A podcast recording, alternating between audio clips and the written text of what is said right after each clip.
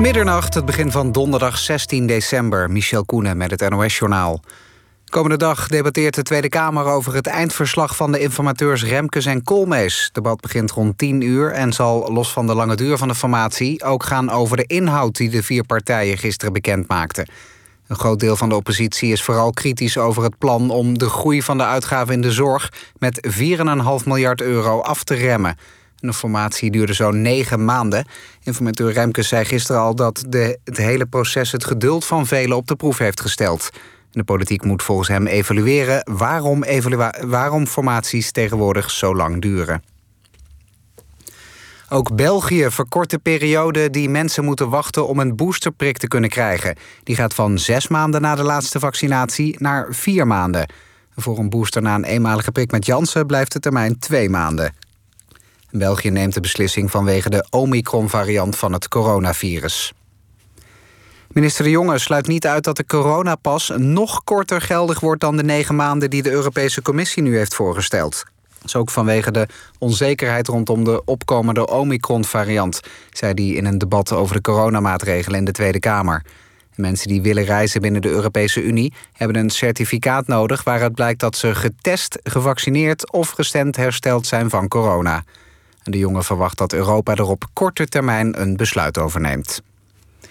PSV, Ajax en Go Ahead Eagles hebben zich geplaatst voor de vierde ronde van de KNVB-beker. Koploper PSV won thuis met 2-0 van Fortuna Sittard. Ajax met 4-0 van de amateurs van Barendrecht. En Go Ahead Eagles versloeg Roda JC uit de eerste divisie met 2-0. Eerder op de avond zorgde FC Twente voor een verrassing... door Feyenoord na verlenging met 2-1 te verslaan. Het weer nog grotendeels bewolkt tijdens opklaringen wat nevel of mist. Het koelt af tot een graad of 6. Overdag bewolkt en zacht met in het noorden kans op wat zon. Het wordt een graad of 10. Dit was het NOS Journaal. NPO Radio 1. VPRO. Nooit meer slapen.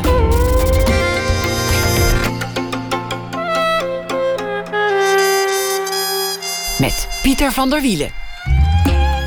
Goedenacht en welkom bij Nooit meer slapen. Mijn gast komend uur werkte in keukens en restaurants, werd een succesvol kookboekenschrijver en had een eetstoornis. De kat op het spek zou je zeggen. Het duurde lang voor ze daarover kon spreken. Dat deed ze uiteindelijk wel, maar ze had dus niet alleen een vrolijke verhouding met eten. In de essaybundel In de Keuken, samengesteld door Bowie van Onna, vertelt ze erover. Bowie, de samensteller, die was zelf kok, werd uitgever en ook daar zijn overeenkomsten. Weten waar men trek in heeft, weten hoe je het opdient en de saaie stukken eruit snijden. Tegenover mij zit Vanja van der Leden. Zij schrijft een van die essays. Zij schrijft over haar verhouding tot voedsel. Over schuld en bevrediging, over eetstoornissen en hoe die op te lossen.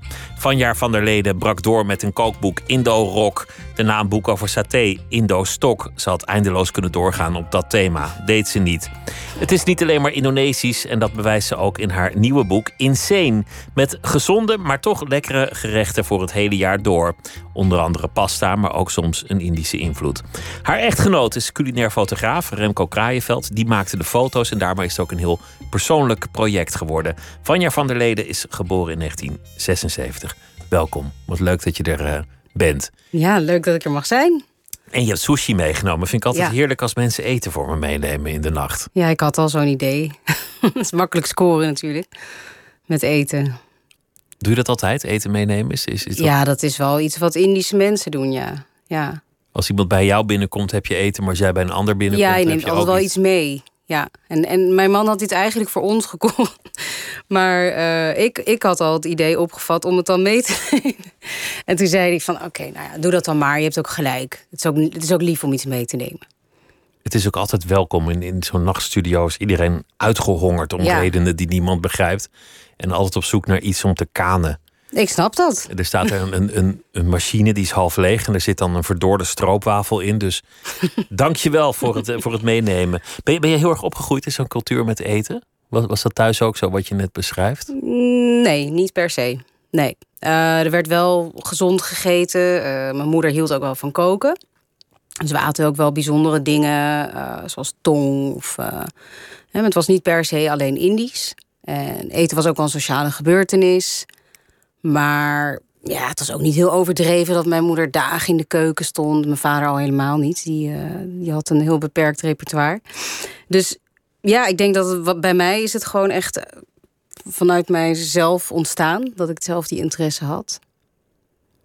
Ja. En wanneer openbaarde die zich? Wanneer werd het meer dan dat je gewoon iets lekker vindt? Um, ja, ik denk dat als kind was ik er ook al heel erg mee bezig. En ik maakte ook kookboekjes met, hè, met, uh, met van die tekeningetjes en zo. Van een banaan die dan in een milkshake verdwijnt. Um, en ik, ja, op mijn dertien ja, jaar denk ik dat ik een jaar of dertien was. Dat ik uh, steeds bewuster ook met eten omging vanwege allerlei allergieën en zo. Um, maar ja, het heeft eigenlijk altijd wel mijn interesse gehad. En ik denk toen ik naar Italië ging, uh, toen was ik 18. Toen ben ik als au pair naar Italië gegaan. Ja, daar, daar was het natuurlijk helemaal fantastisch. Want daar praten ze de hele dag over eten. En ze eten ook de hele dag. En na het eten blijven ze doorpraten over eten. Dat is een halszaak daar. Dat is een zaak van, van leven en dood. En misschien nog wel iets meer dan dat. Ja, dus dat, dat heeft die liefde eigenlijk alleen nog maar verder aangewakkerd. Ja. Maar je, maar je was een beetje een zorgenkindje met, met allergieën en uh, problemen die een dieet behoefden. Ja, nou ja, dat klinkt natuurlijk. Uh, ieder heeft wel uh, ergens last van, natuurlijk. Maar uh, ja, als je heel veel jeuk hebt. Ik weet niet of je wel eens jeuk hebt gehad, maar. Nou, nooit langdurig. Nooit, nooit langer dan drie minuten. Dus. Nee, nou ja, over nooit meer slapen gesproken. Daar kan je dus bijvoorbeeld heel slecht van slapen. En nou ja, ik zal er verder niet heel erg over die fysieke dingen uitweiden. Um, maar ja, dat heeft er wel voor gezorgd voor een hele lange zoektocht, ook in het alternatieve circuit. Omdat, uh, zeker bij huidproblemen, kom je in de reguliere geneeskunde al heel snel uit bij hormoonzalfjes en that's it. En dat is natuurlijk best wel frustrerend. Dat je gewoon niet weet wat er aan de hand is. En de dokter je niet echt kan helpen. Nee, nee, dus op zich, ja, ik kon mijn leven wel leven hoor. Maar ja, er waren toch altijd van die kwakkeldingen. En uh, ook met mijn darmen, niet, naar, niet kunnen poepen. Nou ja, je zei net, ik heb, ik heb geen slaapproblemen uh, of geen jeuk gehad. Maar als je dus en niet kan uh, poepen en jeuk hebt en niet goed kan slapen... ja, dan word je op een gegeven moment toch wel echt een wrak. En, en de oplossing werd gezocht in het eten? Van, van probeer dit maar te vermijden of probeer dat ja, maar te eten. Ja, dat was dan in het alternatieve circuit werd dat um, beweerd. Maar ja, je probeert wat, maar dat, ja, en ik ben het nog steeds aan het proberen hoor. Dus uh, dat blijft gewoon een zoektocht. En, en, en een uh, huidziekte is vaak ook, um, ook psychisch. Dus ja, het is gewoon je hele lichaam. Uh, wat, wat natuurlijk, tenminste, ik geloof daar wel in dat het een holistisch geheel is. En dat je je hoofd niet los kan zien van, van de rest van je lichaam. maar daardoor ben ik in ieder geval altijd heel bewust ermee geweest. En dat ja, tot op vervelend toe op een gegeven moment. Want ik, ik werd echt heel uh, irritant en dogmatisch in gezond zijn. Obsessief zou je het kunnen noemen. Ja, zeker. Ja. Maar wanneer begonnen de eetstoornissen?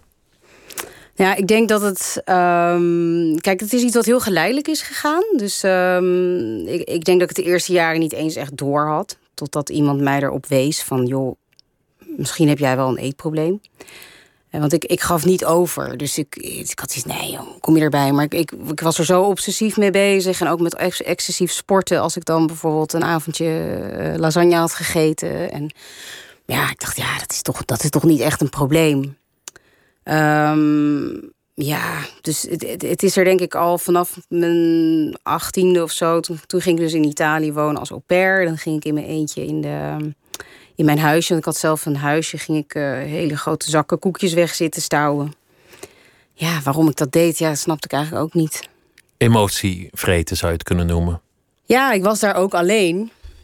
Uh, maar ik had het ook heel erg naar mijn zin. Dus, um, en dat tot de dag van vandaag kan ik niet heel goed echt uitleggen. Je kan het wel proberen te verklaren van een soort van leegte wegeten. Dat was het toen in ieder geval. Later is het, later is het, een, uh, is het eerst een soort destructief gedrag geworden om mezelf te straffen. Op een gegeven moment was het gewoon een neurose. Op een gegeven moment was het, ja, was het een gewoonte die de hele tijd terug moest keren. En wat was precies de gewoonte waaruit bestond de, de stoornis uit? Want, want je zei, als ik alleen was, dan vrat ik ineens koekjes leeg. Ja. Hoe, hoe, hoe ver ging dat? Nou ja, dat was toen, toen was dat niet zo erg. Dat je dan altijd eens keer een zak koekjes leeg. Nou, nou en. En dat, en dat ging gaandeweg later in mijn leven. Want ik denk dat daar ongeveer tien jaar tussen zat. Dat ik heel erg op zoek ging naar um, wat ik nou echt wilde in het leven. Zoals we daar allemaal uh, naar zoeken. En daar niet achter kwam. Ik was niet gelukkig in werk. Daar kon ik niet, ja, mijn ei niet in kwijt. Um, en toen dacht ik, nou, weet je wat, ik ga gewoon heel, heel gezond worden. En dat lukte dus, ja, dat lukt dan tot op bepaalde hoogte. Maar het hou je ook niet vol. Zeker niet als je van heel erg lekker eten houdt, zoals ik. Dus ja, op een gegeven moment uh, werden dat gewoon, uh, werd dat mezelf terugtrekken thuis. En dan uh, nou, trok ik in mijn eentje een fles wijn open. En dan ja, ging ik eerst een half brood eten. En had ik wel voornemens om heel gezond te gaan koken. Je had ook een stronk broccoli klaar liggen. En, maar En bleef die broccoli dan onaangeroerd? Ja, uiteindelijk wel. En, en, en, en werden het dan alleen maar dingen die, die ik dan normaal mezelf verbood. Zoals hè, koolhydraten en uh, ja, calorierijke dingen waarvan ik dan normaal zou zeggen van... oh nee, dat ga ik echt niet eten. Ja, die ging ik dan s'avonds naar binnen stouwen. En ja, op een gegeven moment werd dat, het werd steeds erger. Dus. En, en ik stond erbij en ik keek ernaar. Ik dacht, nou, wat is dit nou voor raars? want de volgende dag. Je was een toeschouwer van jezelf geworden in die zin. Ja, ja en, ik, en, ik, en eh, ik snapte het ook niet van mezelf, maar het, het keerde elke keer terug. En ja, op een gegeven moment was het dan zo erg dat als ik dan met vrienden was, dat ik op een gegeven moment niet eens meer hoorde wat mensen zeiden. Dan dacht ik van, weet je, ik wil gewoon naar huis nog snel even langs de avondwinkel. Kan ik nog even wat inslaan en dan... Uh... Dan val ik aan. En dan val ik aan en dan, en dan is er gewoon niks. Is er gewoon stilte en dan kan ik gewoon... En op een gegeven moment was ik een keer, had ik een keer zoveel gegeten. En toen dacht ik, ja, ja, ik ga het een keer gewoon een keer uitgooien. Ik ga het gewoon een keer doen. En toen begon het braken. En dat was natuurlijk ook heel stom. Want ik, ik, ik, ik had natuurlijk al lang opgezocht hoe, hoe slecht dat voor je is. En ja, dus, dus ik, ik vond het vooral heel lastig dat ik het niet begreep van mezelf. Omdat ik ben, ja, omdat ik weet dat je, dat je er niet verder mee komt en dat het slecht is voor je gezondheid. En ja, je kan er van allerlei dingen aan doen, maar dat, uh, het leek wel alsof ik, alsof ik van mezelf heel erg diep moest gaan en heel erg in de shit moest geraken om, om dan wakker te worden of zo. Je noemde het als jezelf straffen, dat dat een element ervan was. Ja. Dus eten is een manier om jezelf te belonen, maar ook een manier om jezelf te straffen. En het hangt samen met schuld ja. en met boete. Ja. ja, het hangt heel erg samen met schuldgevoel, inderdaad. En, uh, en omdat je dat constant de hele dag doet, ik in ieder geval, mezelf toespreken, dit doe je niet goed of dit was niet perfect. Ja, dan word je natuurlijk onwijs moe van. Weet je, dus dan op zo'n moment, in zo'n e-bui, dan is er een roes en dan is er gewoon helemaal niks. Er zijn al die irritante stemmen er ook niet. En in het begin is het heel lekker. gewoon, gewoon even lekker alles. Ja, even lekker eten. Gewoon, ja, lekker, weet je, zo'n brood met van die olijfolie en, en zo'n eerste wijntje. Net als een eerste biertje is ook heel lekker. Maar na tien biertjes is het eigenlijk niet meer lekker. Ik kwam een citaat tegen van Oscar Wilde. Die, die schijnt ooit gezegd te hebben: Ik kan alles weerstaan behalve verleiding. en, en, dat geldt volgens mij voor heel veel mensen als het gaat over, over eten en drinken. Dat, dat het ook de hele dag aan je trekt van oh, mag niet, moet wel, wil ik wel, wil ik niet. Maar, maar jij bent ook gaan werken met voedsel. Ja, want ondertussen was dat ook mijn grote droom. Eh, in het begin werkte ik nog op allemaal verschrikkelijke kantoren. En werkte ik bij een bank in Londen. En ik heb bij de Kamer van Koophandel gewerkt in, uh, in Italië. Ja. Mensen die mij nu kennen zeggen echt van... wat? wat deed je daar? En dat snapte ik zelf ook niet. Maar um, ja, dus, en daar werd ik alleen maar nog ongelukkiger. Dus dan keek ik alleen maar uit naar de lunch. En op een gegeven moment is me toch gelukt om daar uit te breken. En toen ben ik inderdaad um, gaan schrijven voor een, uh, voor een website uh, over culinaire dingen. En uh, ja, dus toen werd het nog gênanter eigenlijk. Dat ik dan uh, achter de schermen uh, zo ongecontroleerd bezig was. Maar hoe heb je dat gedaan? Dat je de hele dag met eten bezig bent en in plekken bent waar gegeten wordt en daar heel gedisciplineerd bent en erover kan praten en het kan bereiden en dat, dat allemaal geordend kan laten verlopen en niemand merkt iets. En zodra het luikje dicht gaat, dan, dan, dan vreet je vier pakken koekjes en een zak chips en een half brood op. En ga je braken en, en niemand weet dat. Ja, Hoe kan nou ja, dat? Hoe nou, kan het- zo gedisciplineerd zijn? Het kan dus naast elkaar bestaan. Ehm, het was ook niet zo dat. eh daarom noemt het ook Jekyll en Hyde. Hè. Dat was zo, zo voelde het ook echt. En eh, ook, ook die interesse is, was oprecht. Hè. En die, en, om met producten of om, om naar een beurs te gaan en er alles te weten te komen over het eten. En op zo'n moment kon ik er ook best normaal van genieten hoor. Ik bedoel, dan, zeker als we met z'n allen aten, dan was het echt niet zo dat ik dan in een restaurant naar de wc ging. Ik bedoel, dat heb, dat, dat Dan, dan was het normaal. Dat waren echt Ja. die momenten van alleen zijn. Ja, En dat je in zo'n fase zat, dan, dan gebeurde het. ja. Ja. Wanneer heb je hier voor het eerst over, over gesproken met iemand eigenlijk? Oh, Want, want inmiddels lijkt het me dat het een groot geheim was.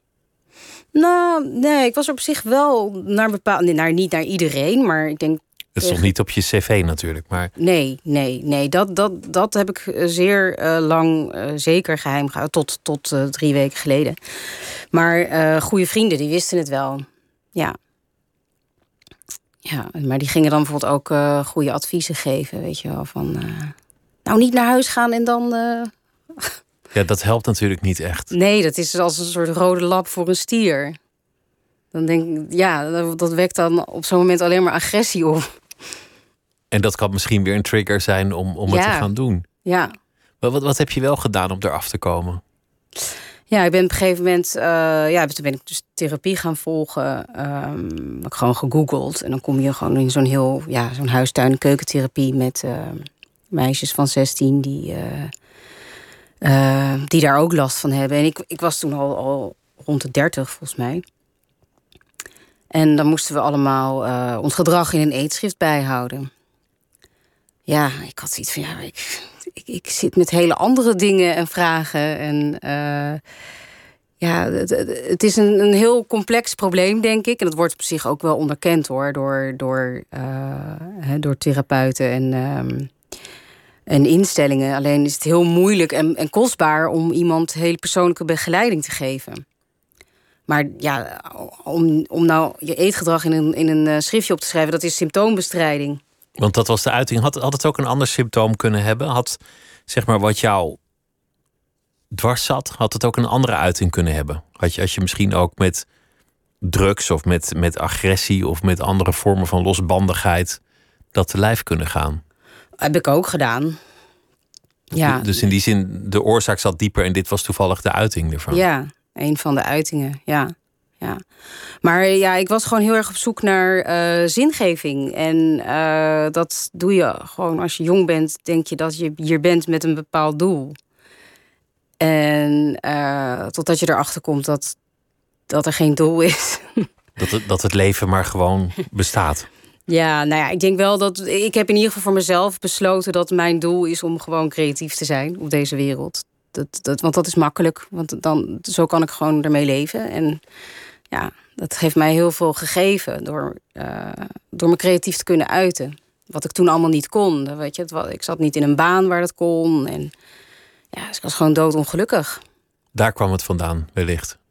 Eh, onder andere, ja. Ja, ik denk dat er, er meerdere oorzaken zijn. Hè. Het is echt een soort clusterfuck van, van psychische en lichamelijke dingen die, die er dan spelen. Maar eh, ik denk dat dat een van de belangrijkste redenen is geweest. Ja, ja. en ja, daarnaast eh, had ik geen partner. Ik, eh, weet je, ja, alles waar je zeg maar gelukkig van wordt, was er niet.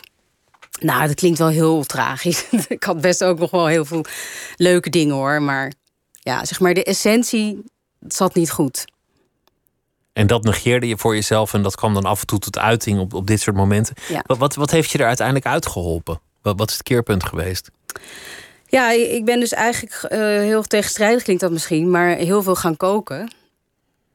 En ehm, ja, voor iemand die heel erg veel in zijn hoofd zit, hè, zo, ik schrijf dan ook veel en ik heb daar ook een soort haat-liefdeverhouding mee, ehm, is koken gewoon ja, een heel fijne eh, manier om in het nu te zijn. Ja, het is heel zintuigelijk, je bent met je handen bezig, je, je hebt ook geen tijd om na, je moet gewoon leveren. Je, je, je staat in een keuken ook met, met, eh, met andere mensen. Vaak is het ook een beetje een rouwdouw-sfeer. Korte communicatielijnen. En ehm, ja, dat vond ik heerlijk. Gewoon platte grappen maken. Weet je, en gewoon uh, die avond doorkomen en that's it.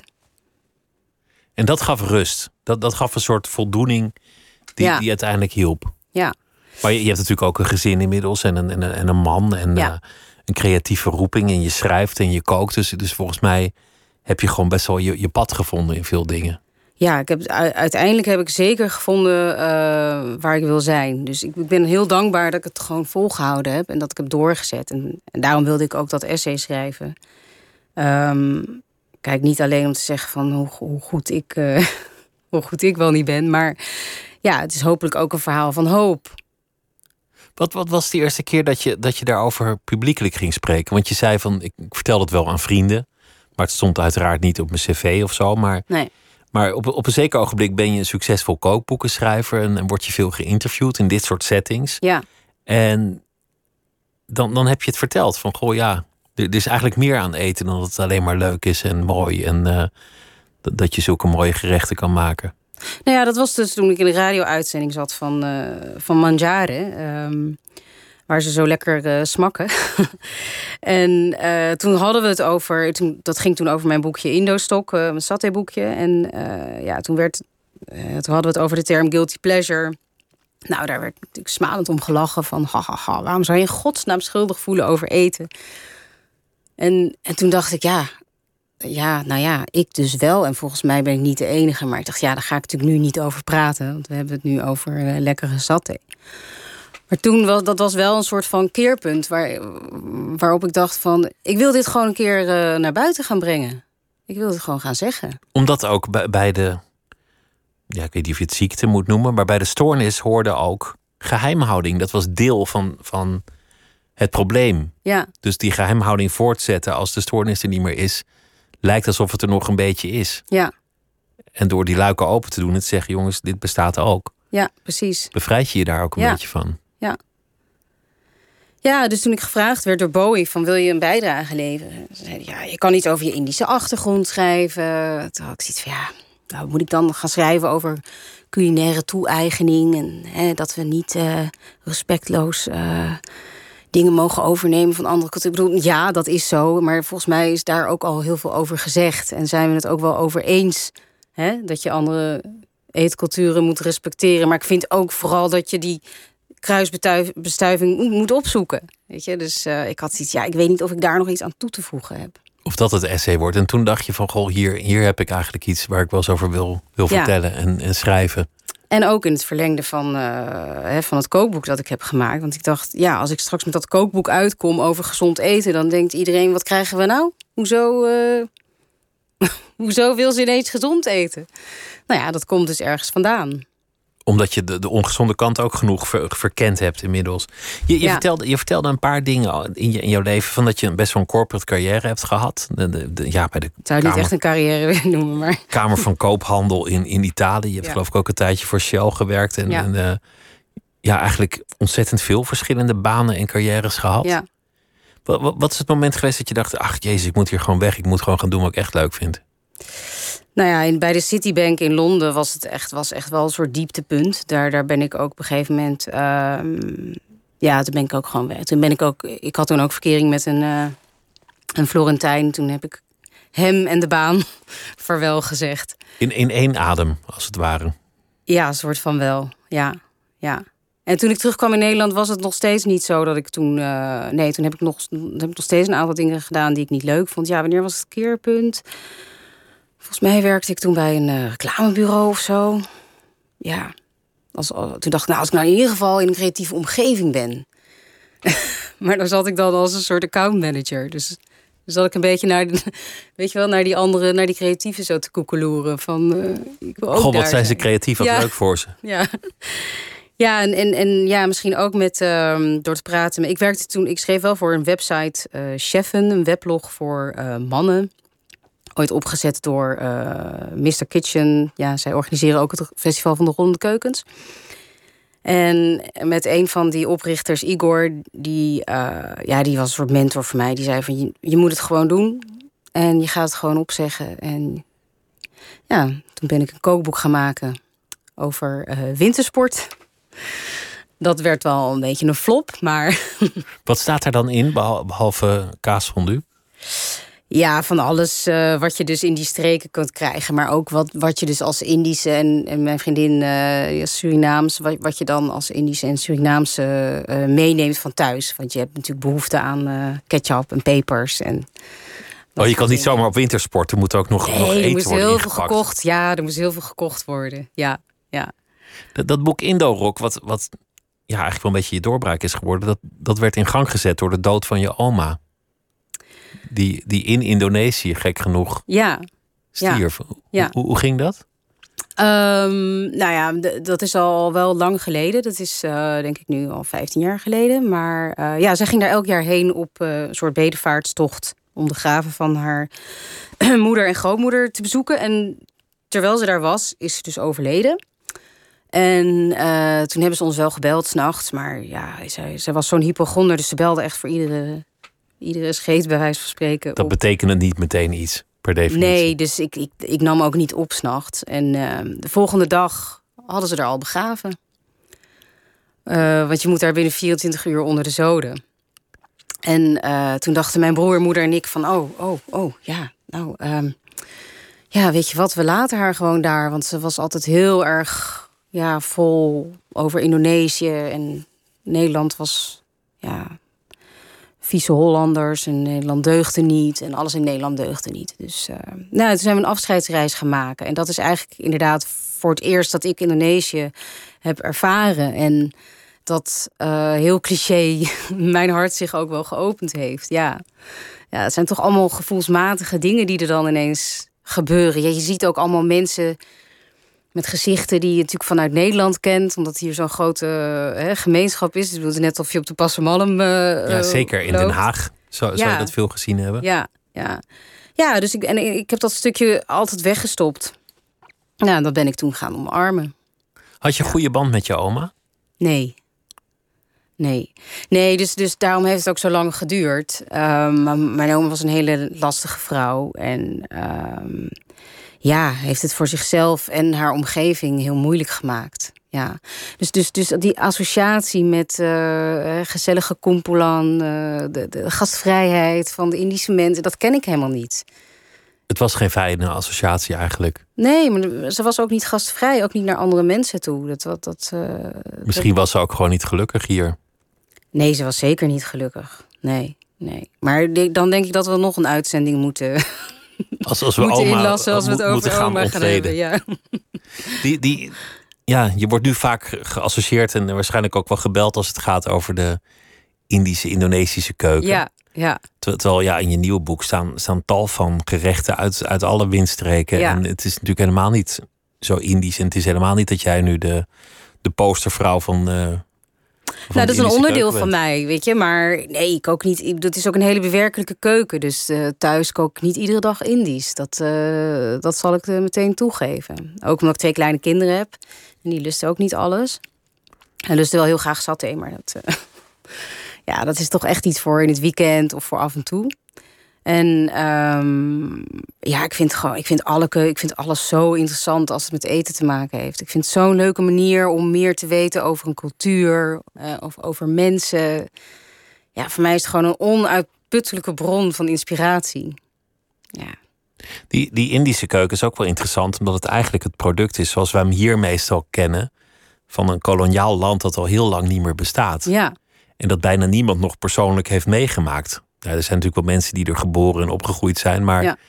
het, in die zin sterft het een beetje uit. Dus je hebt de Indonesische en de Indische keuken, er is echt wel een verschil tussen. Ja, zeker.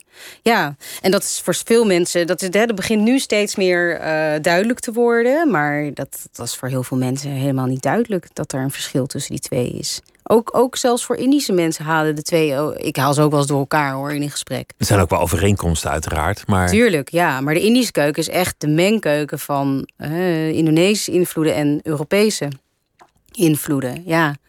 Dus, um, en die is meegenomen met uh, de, de, de repatrianten of immigranten in de jaren 50. En sindsdien, ja, eigenlijk niet veel meer mee gebeurd met alle respect. Uh... En, en, en, nu ga ik helemaal even een steen in de vijver gooien. Vaak toch niet meer zo lekker als ik hem van vroeger herinner. om, omdat die, dat het toch een soort uitgestorven traditie is die kunstmatig wakker wordt gehouden. Ja. Heb ik het niet over Indonesisch eten, want dat is iets anders. Maar Ja. dat traditioneel Indische, dat, dat is eigenlijk geleidelijk aan in veel restaurants naar iets sompig, vet, zouts afgegleden. En ook allemaal bakjes met, met dingen die hetzelfde smaken. Eenzelfde kleur, weet je wel. eh zelfde structuur. Ja, terwijl de Indonesische keuken, die is zoveel rijker. Ik bedoel, dat, zijn, dat is een, een hele archipel natuurlijk. Allemaal verschillende eilanden met verschillende producten, bereidingswijzen. eh. dus daarom vond ik het zo interessant om naar eh, Indonesië te gaan... om echt de bronnen van de Indische keuken te onderzoeken. Ja, en toen, ja ik heb daar on- ongelooflijk veel geleerd. Wilden mensen dat zomaar vertellen? Want het, het is natuurlijk heel persoonlijk. Het is bijna alsof je binnenkomt en zegt: Doe, doe mij eens jouw familierecept. Zo zou je het niet gedaan hebben, maar, maar er zit natuurlijk ook een soort geheimhouding omheen. Of ja, dat hebben. Indische mensen hebben dat heel erg. Die nemen nog liever een recept mee hun graf in dat, dan dat ze het met jou delen. Terwijl ik denk juist dat door het te delen hè, en door het op te schrijven, nou, hou je het levend. Als je dat niet documenteert, ja, dan, dan, dan sterft het op een gegeven moment uit. Nou, ik heb gewoon eh, goed onderzoek gedaan. En ik heb eh, het geluk gehad dat ik een hele beroemde Indonesische chef heb ontmoet. Die mij eh, geholpen heeft aan, aan bepaalde contacten. Want ik dacht ook, ja, hoe ga ik dat in godsnaam doen, inderdaad? Ga ik dan een keukentje inlopen en vragen van... eh, "Goh, Vertel hoe maak je dit? Ja. Ze zeggen ook geen nee. Ze zeggen ook geen nee. Maar ze doen het ook niet. Dus ze, ze zoeken een excuus om jou ja, uitstel zoeken of jou af te wimpelen. Ja, nee, dus, dus daarom hebben we hele ehm, betrouwbare mensen gevonden. Hè, die, die, ik heb ze ook gewoon betaald. Weet je, van ik wil vandaag met jou een dag koken. Wat kost dat? Nou, oké. En nee, ik vond- ik vond het hartstikke leuk. Ik heb ontzettend veel lieve mensen die met heel veel toewijding eh, ja, verteld hebben wat ze doen. Hè, zoals een vrouwtje in Ubud die dan een kip tien uur lang gaart onder smeulende kokosschillen met een boemboena. Echt Een heel schriel kamponkipje. Ik bedoel, in Nederland zouden ze... Het rendement van het gerecht is niks. Maar de smaak was zo fantastisch. Ja, ja dat delen ze wel heel gul hoor met je. Ja, Ja, je had het net over cultural appropriation in de, in de keuken. ja. Dat is een discussie die af en toe opleidt, die eigenlijk wel, wel interessant is. Want als je, het, als je het al te rigide doorvoert, dan zou iedereen terug naar de gehaktbal moeten en, en de stampot. En daar heeft niemand zin in. nee. Iedereen begrijpt dat er momenten zijn dat je andere culturen beledigt. Dat doen we eigenlijk de hele dag, andere culturen beledigen. Het moment dat we een pizza Hawaii eten, dan zijn we een andere cultuur aan het beledigen. Ja, maar ligt er ook aan... Zijn we hem dan aan het beledigen of voelt iemand zich beledigd? Dat is toch ook hoe je het ziet, denk ik. Het zit hem toch ook in, in het vermeende slachtoffer. Ja, vind ik wel. Een beetje lange tenen. Want ehm, ik denk dat pizza is, is iets. Het is een plat brood. wat over de hele wereld is uitgevonden. Ja, in Italië doen ze er dan tomaten op. Sinds de komst van de tomaten uit Zuid-Amerika. Eh, Ja, waarom zou daar niet een ananas op mogen? Ja, ik weet dat ik nu eh, heel veel Italianen in de gordijnen jaag. Maar Nee, maar wat je zegt, het zit wel wat in. Want, want de vraag is natuurlijk, wie is het slachtoffer en waarom? ja, Is daarna de pizza op? Heb je het gestolen? Of is het eh, copyright infringement? Dat, dat iemand zijn recept is gestolen en gepubliceerd en dat iemand er geld aan verdient? Of eigenlijk is het enige verwijt waar je het naar terug kan schroeven. Het is smerig, hou er mee op. ja. En dat vind ik een heel terecht verwijt in veel gevallen. Dat je gewoon zegt, dit is goor, dit kan je niet maken. ja, ik denk wel dat ik een, ehm, een, eh, een lekkere pizza Hawaii zou kunnen maken. Echt waar? ja, wil, misschien met, eh met jalapeno pepers ook. En, dan, eh, en dat je er dan rauwe ham op doet als die uit de oven komt. Dus dat hele zoute van die, van die ham. En dan dat frisse van die ananas. En dan een onwijs spicy, spicy jalapeno salsa. Lijkt mij heel lekker. Ja, was jij dat nou die zei dat, dat de lekkerste pizza's eet je in Japan? Ehm, dat heb ik niet gezegd, maar dat staat. Het grappige is dat ik. ik heb wel een. ehm, ehm, ik, ik, ben, ik heb al een contract voor een volgend boek. wat over de Italiaanse keuken zal gaan. En daar heb ik precies die zin opgeschreven. En eh, toen ik in Florence woonde, had eh, mijn verloofde die had een, een kok, heel chic. Die had een Filipijnse kok. En die deed ook het huishouden. En eh, die- had dus alle gerechten eh, leren bereiden van zijn moeder, hè, de Toscaanse moeder. Maar omdat hij ook Aziatisch was, maar hij maakte alles net even het was net even wat eleganter. En hij gaf daar zijn eigen twist aan. Nou, dat vind ik gewoon fantastisch. Ik bedoel, een Filipijn die gewoon de sterren van de Toscaanse hemel kookt. Dat is toch heel leuk? Ja, dat soort dingen vind ik prachtig. Voor, wie dit inschakelt, Vanja van der Leden, die is hier. En uh, we hebben het over een essay dat ze heeft geschreven over uh, eetstoornissen terwijl je werkt in de, de voedselsector. En in januari verschijnt het uh, nieuwe boek Insane met gezonde en lekkere gerechten voor het hele jaar door. We hebben het een beetje gehad over, over jou, jouw leven. De, de dood van je oma die de aanleiding vormde voor een zoektocht naar de Indonesische keuken. Het, het zijn wel vaak dat soort keerpunten in, in het bestaan. Ja. Van, van die scharnierpunten. Ja. In dit geval is het een, een gekke, omdat iemands dood een scharnierpunt blijkt. Nou, ik denk dat um, um, dat geldt ook voor het volgende scharnierpunt. Want toen mijn vader overleed, uh, die overleed, is elf jaar, tien jaar geleden overleden. Uh, en mijn stiefvader overleed ook in datzelfde jaar. Dat was een heel heftig uh, jaar. Toen zat ik nog vol in die eetstoornisfase. Maar doordat zij zo ziek werden en uh, ja, wij moesten gewoon ook klaarstaan voor als er iets gebeurde. Moesten, nou ja, dus ik, ik, ik had iets, ja, ik kan, ik kan nu niet meer gek gaan lopen doen. Ik moet dit gewoon niet meer doen nu, want ik moet er gewoon zijn voor hun. En um, nou, dat was gewoon een. Uh, mijn stiefvader heeft vier maanden op het IC gelegen. Mijn vader is eigenlijk binnen zes weken is die, uh, overleden. Het is allemaal heel heftig geweest. En um, daarna, dus die heel die periode is het er niet geweest. En daarna, ik werkte toen bij het filmhuis in Den Haag, in de keuken. En uh, ja, ik woonde daar vlak om de hoek. En het enige wat ik deed was daar werken, naar de film gaan en nou, de boodschapjes doen. En, en mijn leven was uh, gewoon binnen een paar honderd vierkante meter speelde het zich af. En toen dacht ik, nee, dit, dit, hier kan het niet voor bedoeld zijn. En dus, dus de dood van die twee heeft mij ook doen beseffen van hop, nu gaan gewoon. Want ja, het kan ook, het kan ook gewoon afgelopen zijn morgen. Het moet gaan gebeuren. Het moet nu gewoon gaan gebeuren, ja. En het is ook het moment dat, dat jij ineens de volwassene wordt. Omdat dat je de, de ouder moet gaan verzorgen. Dus de rollen zijn omgedraaid. Ja, ja ik ben best wel laat voor. Ik ben echt heel lang een teenager uh, geweest. ja. Een beetje aan het rommelen gebleven en toen. Uh... Ja, dat is heel, uh, inderdaad heel, heel wrang en ook heel mooi. Dat je dus eigenlijk aan het, uiteindelijk je eigen vader aan het verzorgen bent. Het zijn ook mooie herinneringen, hoewel het een heel, heel nare gebeurtenis was. Ja, nou ja, het heeft in ieder geval bij mij iets in gang gezet. En toen, uh, ik heb mezelf echt bij de kladden gegrepen.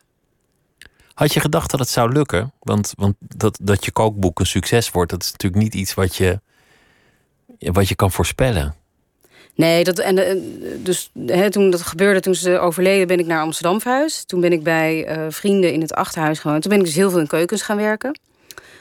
Uh, restaurantkeukens, gewoon kilometers maken en vooral niet alleen zijn en veel werken. En uiteindelijk ja, rolde ik zo weer, ging ik ook weer schrijven. En dus dat heeft nog best wel lang geduurd hoor. Ik heb, ik heb nog heel veel kunnen, kunnen oefenen, zeg maar. Ook in, met uh, producties in bladen en kookboeken voor anderen maken. Ja, en inmiddels had ik toch wel heel veel ervaring. En toen ik, uh, ja, mijn man, die dus culinair fotograaf is, die, die had iets van: wat is dit voor. Uh, wat is dit voor ruwe diamant? uh, die, die zag dingen die ik zelf nog niet echt zag. Maar dat, dat heeft wel heel erg geholpen. Want hij, ja, en hij is echt een doener. Dus hij zei, we gaan het gewoon doen. Wil je een kookboek maken? Oké, okay, ga een kookboek maken. En, de, en dat, weet je, omdat ik, ik ben ook heel erg perfectionistisch. Ik durf het gewoon niet aan. Ik ga, ik ga tienduizend keer omdraaien. En ik denk, ja, nee, het is niet perfect, laat maar. Ja, hij heeft gewoon gezegd van, we gaan er gewoon voor. Perfectionisme kan ook verlammen. Dat, dat, je, dat je als je iets gaat schilderen, moet het meteen Picasso zijn of het moet niet zijn. Ja. En dan zet je geen streep op dat doek natuurlijk. Nee, nou dat is wel heel leuk dat je dat uh, zo aanhaalt. Want ik heb hier de cover van ons nieuwe boek. En we wilden een soort collage maken. Nou, en Remco, mijn man, die, die, uh, we hadden dan een portret van mij gemaakt. En het idee was daar om daar dan allemaal ingrediënten weer op te leggen en te fotograferen. Om eigenlijk de gelaagdheid van mijn relatie met eten te uh, weer te geven. Dus hij zei tegen mij, nou, van jij gaan we gewoon, leg er maar gewoon wat op en doe maar. En, en ik raak dan helemaal geblokkeerd. Dus sta ik daar echt zo van, een passievrucht. En dan zegt hij van, gewoon lol maken. Weet je, het maakt niet uit. Gewoon spelen, beginnen. Gewoon spelen. Oh, oh ja, oh ja, oh ja. En dan uiteindelijk, ja, we vonden het allebei eigenlijk niks wat we gemaakt hadden. En toen hadden we, hij had nog wat lopen spritsen met die granaatappel. Er zaten allemaal vlekken van granaatappel op mijn gezicht. En hij had die foto in de prullenbak gegooid. Maar ik had dat met die vlekken nog niet gezien. Dus ik kijk in de prullenbak en die foto die staart mij aan. En ik denk, maar dit is, dit is een leuk beeld. En toen heb ik ergens nog een halve granaatappel van weggeplukt. En ja, dat, en ik vind het, daar moet ik dan helemaal 45 voor worden om dat, weet je, om dat Om proces te begrijpen. om dat door te krijgen, ja. Ja, wie weet waar ik was geweest als ik dat op mijn twintigste al... eh, Ja, dat, dat denkt iedereen. Als je alles Ja, al had nee. geweten wat je nu weet... en dan 18 had kunnen zijn. Nee, nee, maar goed, zo denk ik niet hoor. Ik ben heel dankbaar dat het allemaal zo gegaan is. En eh, ja, dat, dat ik er alsnog laat achter ben gekomen. Ja, We hadden het over eten en, en eh, guilty pleasure... waar ze bij eh Banjaren Ja. al, al smakkend om lachten. ja, En over eetstoornissen, wat, wat met schaamte omgeven is. En dan buiten de deur heel gedisciplineerd zijn en gezond eten. En het goede eten eten. En dan als niemand kijkt en als je alleen bent, dan juist voor de smerige koekjes te gaan en het slechte eten. ja. En we hadden het over cultural appropriation. Ro- Rond eten, het lijkt alsof iedereen een beetje een eetstoornis aan het krijgen is. Want, want er hangt zoveel lading. En ook negatieve lading om eten. Over gezondheid. Over vegetarisme, veganisme. Over, over ingrediënten die van plekken komen waar ze niet vandaan mogen Ja. komen. Avocados die water absor- absorberen. Asperges die door onderbetaalden zijn geplukt. Of het gaat over eh vis uit de oceaan, wat misschien dan wel giftig zou kunnen zijn. ja. En, en anders dan is het weer Rotti van de Hema. En Rotti is helemaal niet van de Hema. Het, het wordt steeds beladener wat je wel en niet mag eten. Ja, het is, het, is, eh, het is mega ingewikkeld. Je moet, eh, je moet bijna ho- hoog opgeleid zijn om, om een beetje normaal te kunnen eten. Boterhammetje kaas. Dan heb je al kaas, is een dierlijk product. Boterham, dat is koolhydraten. Ja, Wat smeer je ertussen? Margarine, dat is natuurlijk niet chic genoeg. Roomboter word je dik van. Dan maar olijfolie. Moet het wel de goede olie zijn, maar dit is niet de olie. Ja, joh, ja, er- ja, daar wordt ook weer mee gesjoemeld natuurlijk. ja. Ja, krijg je dat weer. En als je Ja. dan denkt dat je het gevonden hebt, komt Teun van de keuken van de keuringsdienst. Dan mag het heeft ook hij weer iets niet. uitgevonden, ja. Ja, We we eindigen op een gegeven moment gewoon als, als nieuwe Armstrong met een paar tubes. nou, ik hoop het niet. Ik hoop het ook niet. Dat, dat neemt voor mij wel echt alle lol weg. Hoe, hoe ga jij daarmee om als, het- als het ook nog je vak is met, met schuld en eten en, en het goede? Nou, ik probeer vooral een beetje relaxed te zijn nu. Hè. Ik ben door schade en schande wijs geworden. Dus ehm, ja, ik, ik, bij mij gaan er inderdaad, als ik boodschappen doe, dan denk ik nee, niet die boontjes, want die komen uit Kenia. En Nee, dit niet, dat niet. Maar ja, op een gegeven moment, weet je, soms denk ik ook, fuck it, dan is het eh, vijf voor zes en moeten mijn kinderen eten. En ja, ik probeer het ongeveer vijf dagen in de week goed te doen. En dan mag het twee dagen in de week niet goed gaan. Dat is, dat is, daarom noem ik mijn boek ook heel bewust best gezond. Want als ik van die strenge dieetboeken ga lezen, dan, ja, dan, dan heb ik geen zin meer om te eten. Weet je, wel. dan, dan, nou, als je zo- ja, hoe meer je daarover leest, over gezond eten, zeg ik altijd hoe meer zin ik krijg in een kroket. En nou blijkt een kroket trouwens niet eens zo ongezond te zijn. Ja, da- daar is ook wel eens een hele discussie over. Hè? Ja. Want dat, dat zei de ene voedingswetenschapper van het is best gezond. En toen kwam de ander en die zei van nee, hoe kan die dat nou zeggen? Ja, Martijn Katan zegt dan van oké, het, het is natuurlijk altijd heel erg relatief. Hè? Ik bedoel, dat heb ik ook gemerkt bij het schrijven van dit boek. Je, eh, iets is nooit, een ingrediënt is niet per se gezond. Het gaat, gaat altijd om het gehele plaatje. Ja, ik denk, en uiteindelijk denk ik dat we hier in Nederland best heel gezond leven. We hebben goede voeding. eh hygiënische omstandigheden zijn goed. We worden oud.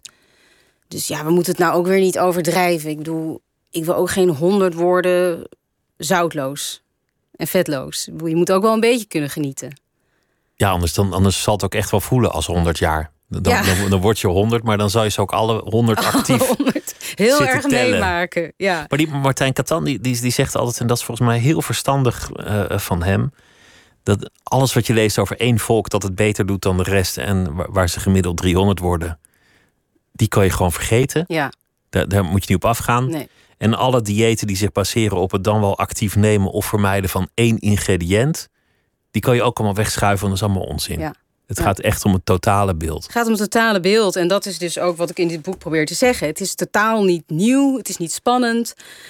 Maar het gaat gewoon om gevarieerd eetpatroon. En niet om koolhydraatarm of keto. Of weet je, ja, ik probeer wel veel vegetarisch te koken hoor. Want ik, ik heb wel echt het idee dat we wel echt af moeten van heel veel vlees eten. Dat, uh...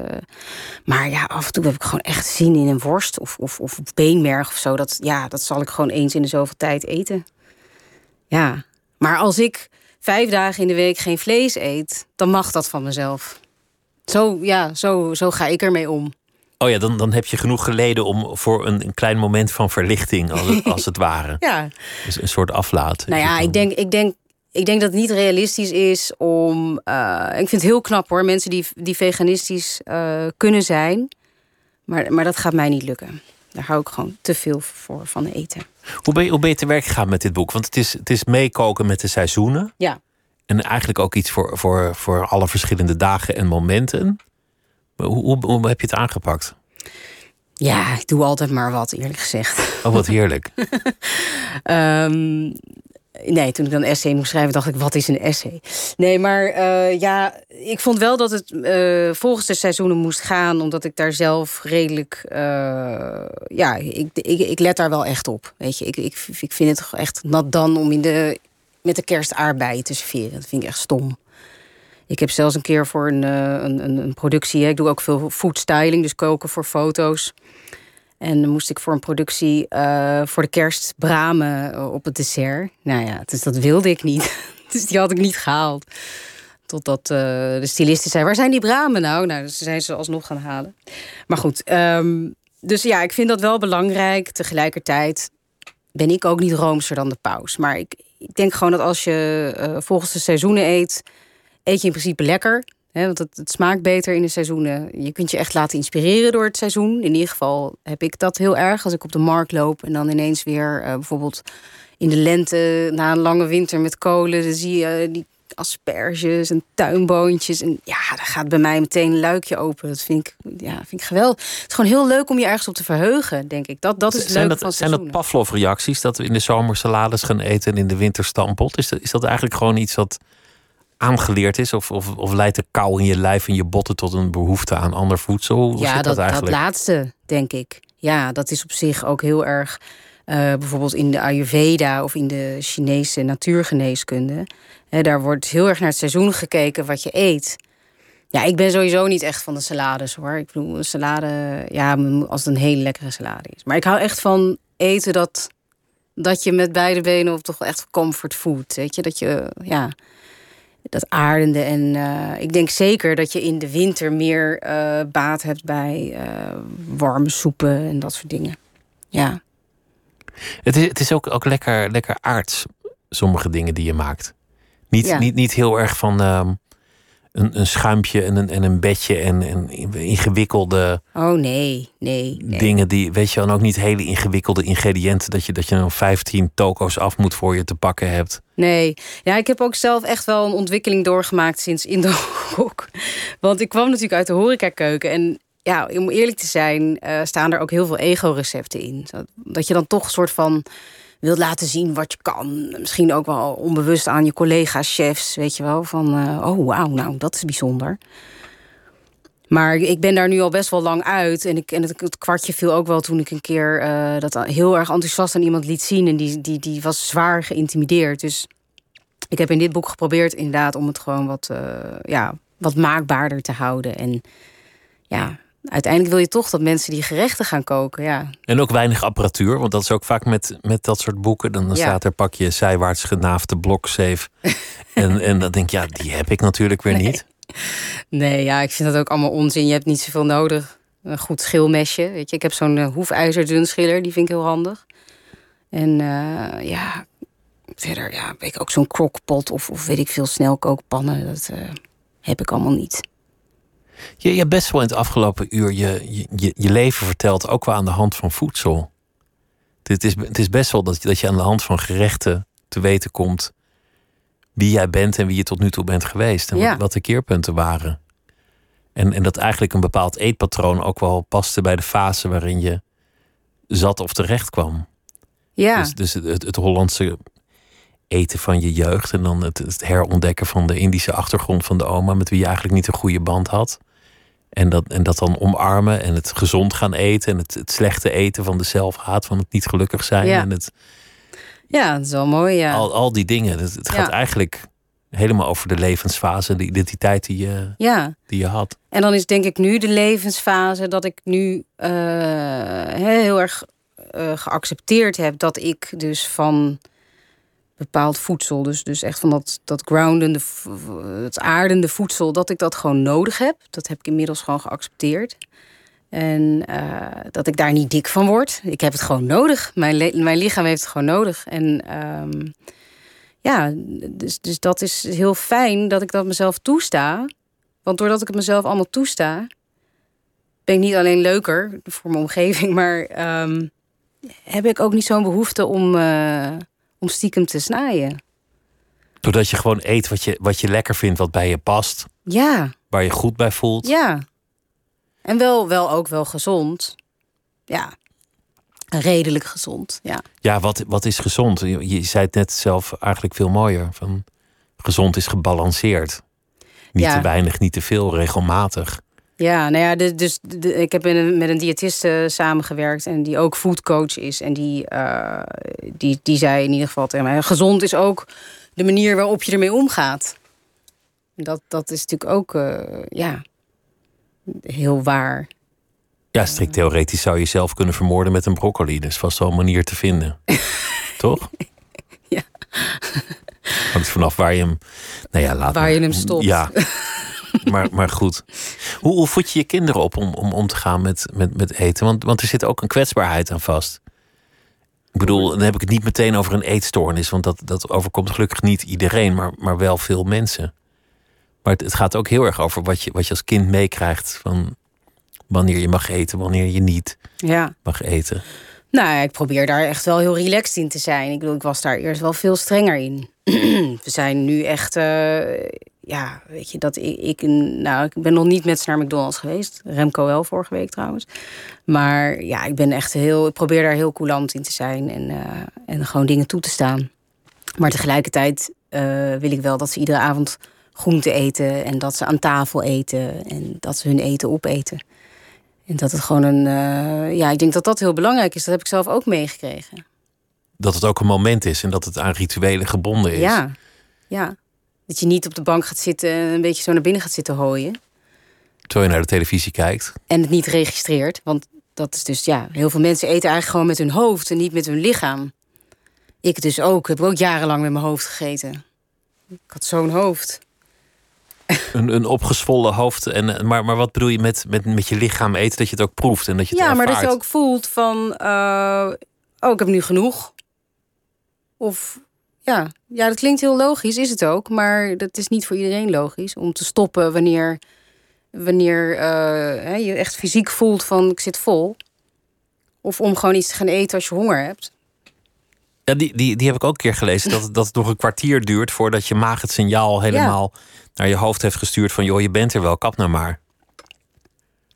Ja, nee, klopt. En dus eigenlijk zit je een kwartier, als je niet uitkijkt, zinloos door te schransen. Terwijl je lang geen honger meer hebt. Nee. Nee, dus je moet eigenlijk altijd iets eerder stoppen, maar dat lukt Of langzamer niet. eten, of gewoon Ja. kleine porties. En, eh, Goed kauwen. goed kauwen. Ja, dat, dat, dat soort dingen. Ja. Wat, wat, wat zou eigenlijk voor jou het ultieme zijn van wat je tot nu toe hebt gegeten in je, in je leven? Van al die keukens waar je bent geweest en hebt gewerkt en waar je uit hebt geput. Wat, waar, waar kom je dan eigenlijk op uit van wat het eh zaligmakendst is? Jee. Eh, ja, ik denk toch gewoon hele simpele, ja. Iets heel simpels, maar puurs in een, in een hele suffe trattoria of een heel aftans warongetje van een plastic bordje.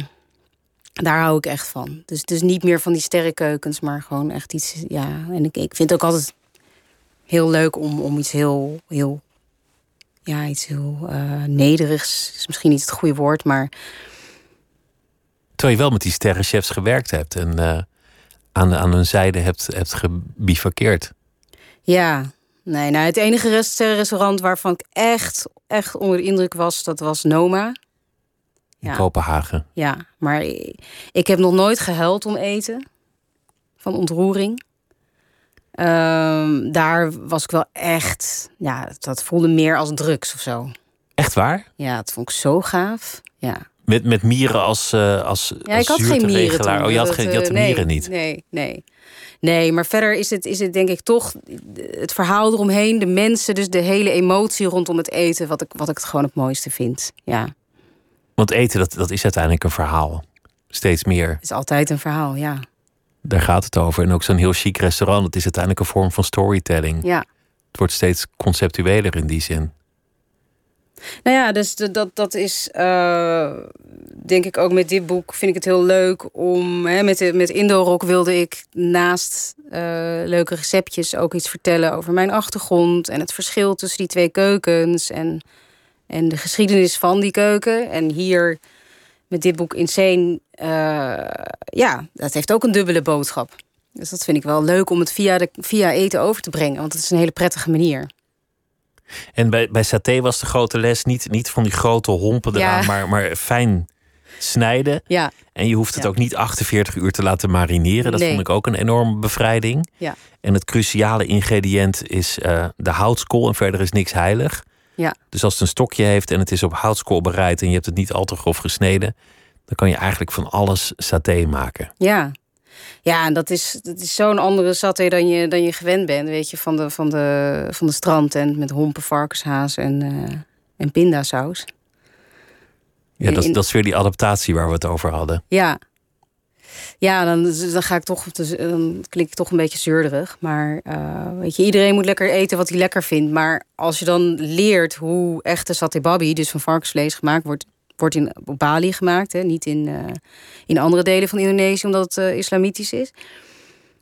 Maar die, die boemboe van die, van die satay babi, die is heel complex. Dus daarom serveren ze er geen pindasaus bij. Want anders wordt het een soort van is het zonde, dan druk je die, die elegante smaak weg. Ja, dan wordt het te veel. Dus daar, daar, zitten allemaal ja, gedachten achter.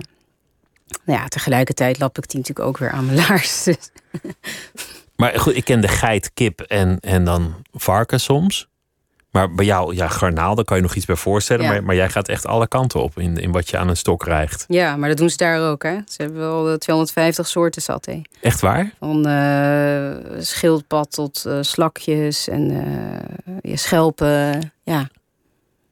ja. Dit boek dit kom, komt in januari. Het, ja. het boek Insane. Ja. Met, met, met de gezonde gerechten. En je verklapt het terloops, maar misschien was dat nog helemaal niet de bedoeling, want het persbericht moet nog uit dat je iets met de Italiaanse keuken ja. gaat doen. Ja, ja. Wat, wat wordt dat? Ja, dat wordt, dat wordt een, ja, een beetje een indoorrok, maar dan uh, Italiaans. Ja, daar heb ik ook heel veel zin in. Door Italië reizen en, en een beetje nieuw of nieuw. Um, ja, niet alleen de nonna's aan het woord laten, want, maar een nieuwe generatie, uh, andere verhalen. Uh, de Italiaanse keuken is natuurlijk ook al heel lang. He, wordt, Spanjaarden zijn veel progressiever, in Italiaan zijn super conservatief. En, dus je gaat de beweging zoeken daarin? Ja, ja. Dat is ook wel echt iets om naar uit te kijken. Dat, heel dat klinkt, erg, uh, ja. Dat klinkt heel leuk Ja. en heel, heel spannend. Dank je wel dat je te gast wilde zijn. En ik wens je ehm, vele goede maaltijden. En dank ook voor het eh, meenemen van deze sushi. Die we nu gaan opeten. Ja, laten we, laten we dat nu eh, gaan doen. Een goede nachtsnack moet je ook nooit, eh, nooit laten staan. Vanja van der Leden, dank je wel dat je te gast wilde zijn. En dit was Nooit meer slapen voor deze nacht. Morgen dan zit Ruud de Wild tegenover mij. De radio-dj en kunstenaar. En wij gaan praten over het eh, afgelopen jaar. En eh, de top 2000 komt er ook nog eens aan. Dat allemaal morgen. Voor nu een hele goede nacht. En zometeen op deze zender Miss Podcast. Goeie nacht.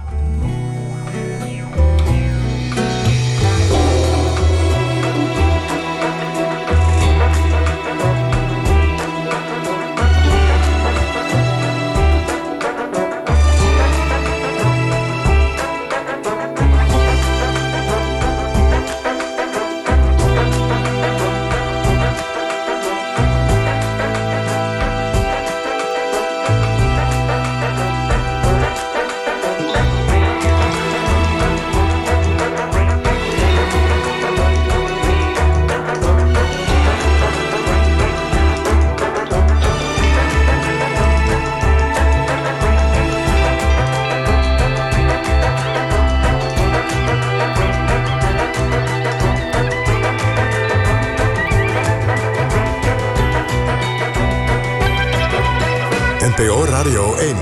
Wie luistert, weet meer. NPO Radio 1.